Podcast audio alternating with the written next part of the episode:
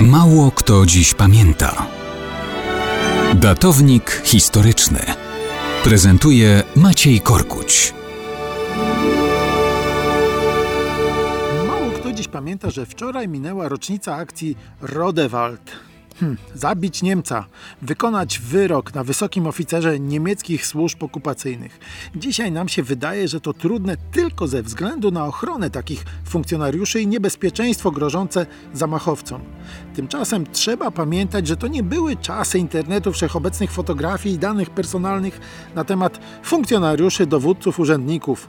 Władze okupacyjne miały swoją hierarchię dowodzenia, ale ludność okupowanych ziem nie miała pojęcia, kto kim jest i jak wygląda w okupowanych miastach. Niemców miał chronić mur niedostępności i chronił. Wyzwaniem było tę blokadę przełamać.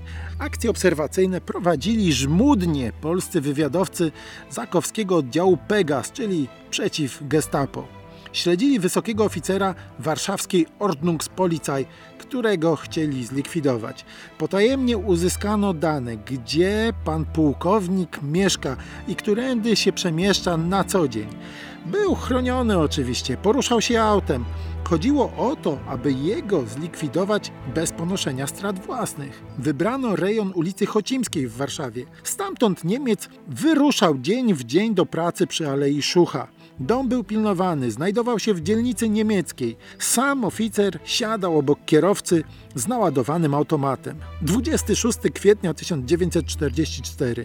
Oficer wsiada do auta.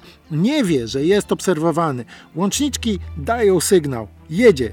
Nagle przed auto na środek ulicy wychodzi dwóch cywilów. Odpinają płaszcze, wyciągają automaty i dają ognia. Ranny szofer próbuje ich wyminąć. Prawie mu się udaje, ale to również przewidzieli nasi chłopcy. Przygotowany wcześniej furgon zajeżdża mu drogę, uderza. Do niemieckiego auta podbiega Stanisław Jastrzębski, pseudonim Kopeć. Niemiec próbuje go zastrzelić, ale Kopeć jest szybszy. Przez otwarte drzwi oddaje cztery celne strzały. Pułkownik Ordnungspolizei pada trupem, a kowcy sprawnie zwijają akcję, bez strat własnych. Z niemieckich ogłoszeń dowiadują się potem, że nazwisko zabitego pułkownika to nie Rodewald, tylko Erwin Gresser, dowódca policyjnego pułku Ordnungspolizei. W gruncie rzeczy mała różnica. Ważne, że wysoki oficer Orpo padł trupem, bo i jemu też się należało.